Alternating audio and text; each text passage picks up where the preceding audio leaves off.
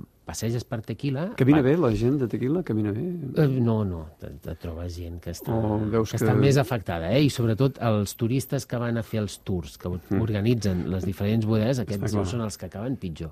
Per què? Doncs perquè justament aquí a Tequila, doncs, a part d'arribar cap a la població i veure doncs, tots els camps Que és un poblet petit, de fet, no? És, sí, és, és molt petit, de fet. Pot estar a prop allà, és les com, destil·leries. Com dius, és un poblet, no és ni, ni una ciutat, no? De manera que el centre històric, és on hi ha l'església i les mercat, les destil·leries, fondes, doncs, sí. estan, tot això està a la vora, més a prop dels camps, podríem dir, que és d'on surten doncs, el seu producte base, i llavors n'hi ha molts, des de Sauza, Cuervo, Tres Mujeres, hi ha diferents bodegues que tu pots visitar, i sempre en aquestes bodegues doncs, eh, fas les visites, t'ensenyen doncs, des de el camp, com es gimen a les pinyes, com es porten després a, en els forns, eh, les grans tines amb, amb el material que s'està doncs, fermentant, i després doncs, els alambins de fer doncs, la destil·lació. No? Clar, si fas una ruta I- per les destil·leries, doncs Bueno, eh, sempre, acabes caminant com... totes elles sempre acabes provant-ne quatre, perquè els tequiles es, es diferencien amb diferent temps que han passat en els uh, barrils, no? en les barriques que diuen ells. Llavors hi ha